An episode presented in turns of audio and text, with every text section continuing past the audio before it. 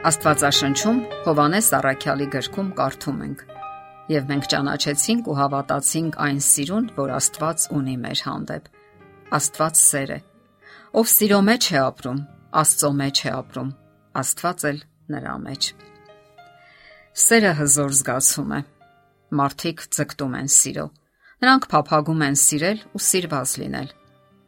Սիրո տարբեր տեսակներ կան, եւ դրանցից ամենակարևորն ու մեծը Աստվածային սերն է։ Գոյություն ունեն սիրո տարբեր տեսակներ նաև մարդկային տարբեր հարաբերությունների մեջ։ Մենք սիրում ենք մեր ծնողներին ու երեխաներին, սիրում ենք մեր կողակցին,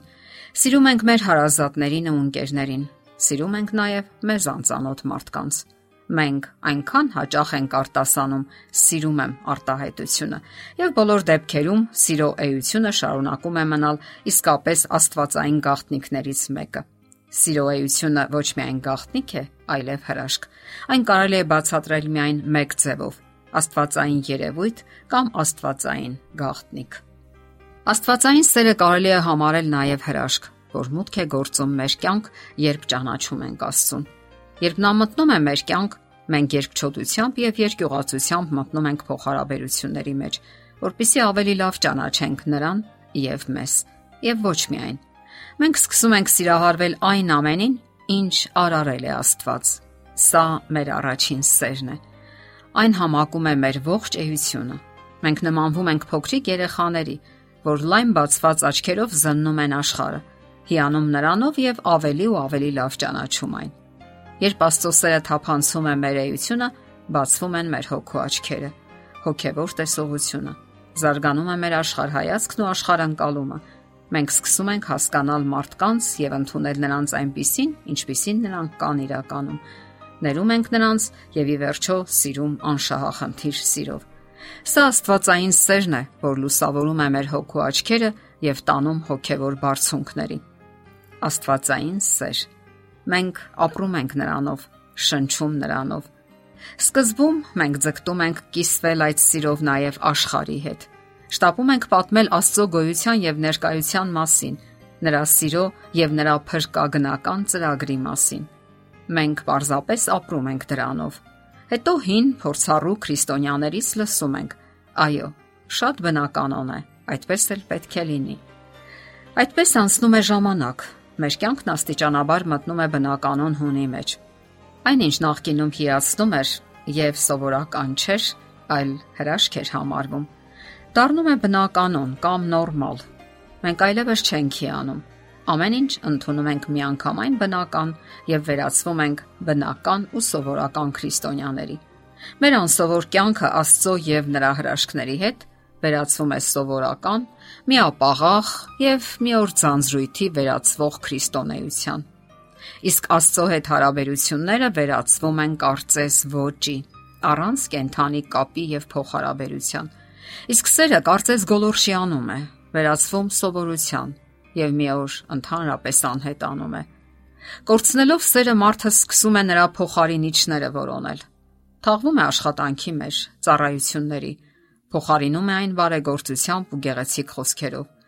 Սակայն ասենք, որ այդ բոլորը չի փրկում եւ չի կարող բավականություն եւ հոգեվոր պայծառություն ապարգևել։ Եվ մենք մի օր կանգ ենք առնում։ Զգում ենք, որ ինչ որ բան չի բավականացնում։ Մենք կարծես շնչահեղձ ենք լինում։ Հուսահատորեն այս ու այն կողմ ենք նետվում եւ ինչ որ բան որոնում։ Ինչ է տեղի ունենում մեզ հետ։ Մենք զգում ենք, որ սերը չի բավականացնում մենք կորցրել ենք մեր առաջին սերը։ Այն հրաշալի զգացումը, որ ունեինք առաջին պահերին, երբ ընդունեցինք Աստծուն եւ նրա հրաշքները։ Եվ դարձյալ գիտակցելով մեր անզորությունն ու հուսահատությունը ծնկի ենք գալիս Աստծո առաջ խնդրում վերականգնել այն, ինչ կորցրել ենք կյանքի առօրյականության եւ կենսական ճահճի մեջ։ Մենք խնդրում ենք վերականգնել առաջին սերը եւ առաջին անկրկնելի զգացումները։ Եվ Աստված պատասխանում է որովհետև նա պատասխանում է բոլոր անկեղծ խնդրանքներին, որովհետև առաջինը նա է սիրել մեզ եւ կանչել է իր սիրո մեջ։ Հովանես Արաքյալի թղթերում կարդում ենք. Սրանում է սերը, որ ոչ թե մենք սիրեցինք Աստծուն, այլ նա սիրեց մեզ եւ իր որդուն ուղարկեց խավություն մեր մեղքերի համար։ Սիրո անբավարարություն, Հենց այսպես կարելի է բնորոշել եւ ախտորոշել մերօրյա հասարակության հիվանդությունը եւ նույնիսկ մահացու հիվանդությունը։ Այն դրսևորվում է բոլոր ոլորտներում՝ ընտանիք, հասարակություն, եկեղեցի։ Այս հիվանդությունը հատուկ է բոլորին, առանց բացառության։ Բոլորն են հիվանդ դրանով։ Իսկ անկեղծ սիրո հատուկեն դրսևորումները ավելի հաճախ դիտվում են որպես թուլության, միամտության կամ էլ նույնիսկ անմտության դրսևորում։ Ինչու մենք չենք սիրում միմյանց։ Հաճախ նույնիսկ չենք ցանկանում բառ անգամ արտաբերել այս կամ այն մարդու հետ։ Երբեմն էլ ատելություն ենք զգում։ Միգուցե մենք մոռացել ենք կամ նույնիսկ չենք էլ իմացել Աստվածաշնչյան հետևյալ համարը. Եթե Աստված այսպես սիրեց մեզ, ապա մենք էլ պետք է իրար սիրենք։ Ինչու մեր սրտերը չեն ոցավառվում թե Աստծո, թե մարդկանց հանդեպ սիրուց ու կարեկցանքից։ Միգուցե մեր սրտերը քարացել են անտարբերությունից եւ կարեկցանքի բացակայությունից։ Դրանց չսնելուց եւ առօրյա կյանքում չկիրառելուց։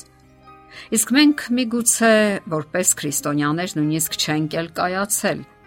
կամ չենք հասկացել, թե ինչ է նշանակում քրիստոնյա ընդհանրապես, որովհետև քրիստոնեությունն այսօր աշխարհում վերածվել է անկյանք կրոնի, դարձել է մշակույթ եւ նույնիսկ քաղաքականություն։ Աստվածաշնչում կարդում ենք. Սիրելիներ, իրար սիրենք, որ սերն Աստվածանից է։ Եվ ով որ սիրում է, Աստվածանից է ծնված եւ ճանաչում է Աստծուն։ Նա որ չի սիրում, Աստծուն չի ճանաչել։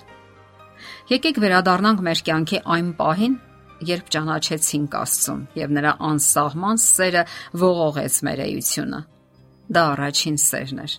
Եվ այն կարող է կրկնվել մեր կյանքում, եթե անկեղծորեն խնդրենք մեր աղոթքներում։ Իսկ մենք հաճախ ենք սեր խնդրում Աստծուց։ Սա պետք է լինի յուրաքանչյուր մարդու եւ Աստծո անհատական փոխհարաբերության առանցքը։ Ամեն օր կրկնենք այդ խնդրանքը եւ ամեն օր վերապրենք այն հրաշալին ու անկրկնելին, որ կոչվում է Աստվածային սեր եւ որի մասին գրում է Աստծո խոսքը։ Մենք ճանաչեցինք եւ հավատացինք այն սերը, որ Աստված ունի մեզ վրա։ Եթերում է ղողանջ հավերժության հաղորդաշարը։ Հարցերի եւ առաջարկությունների համար զանգահարել 033 87 87 87 հեռախոսահամարով։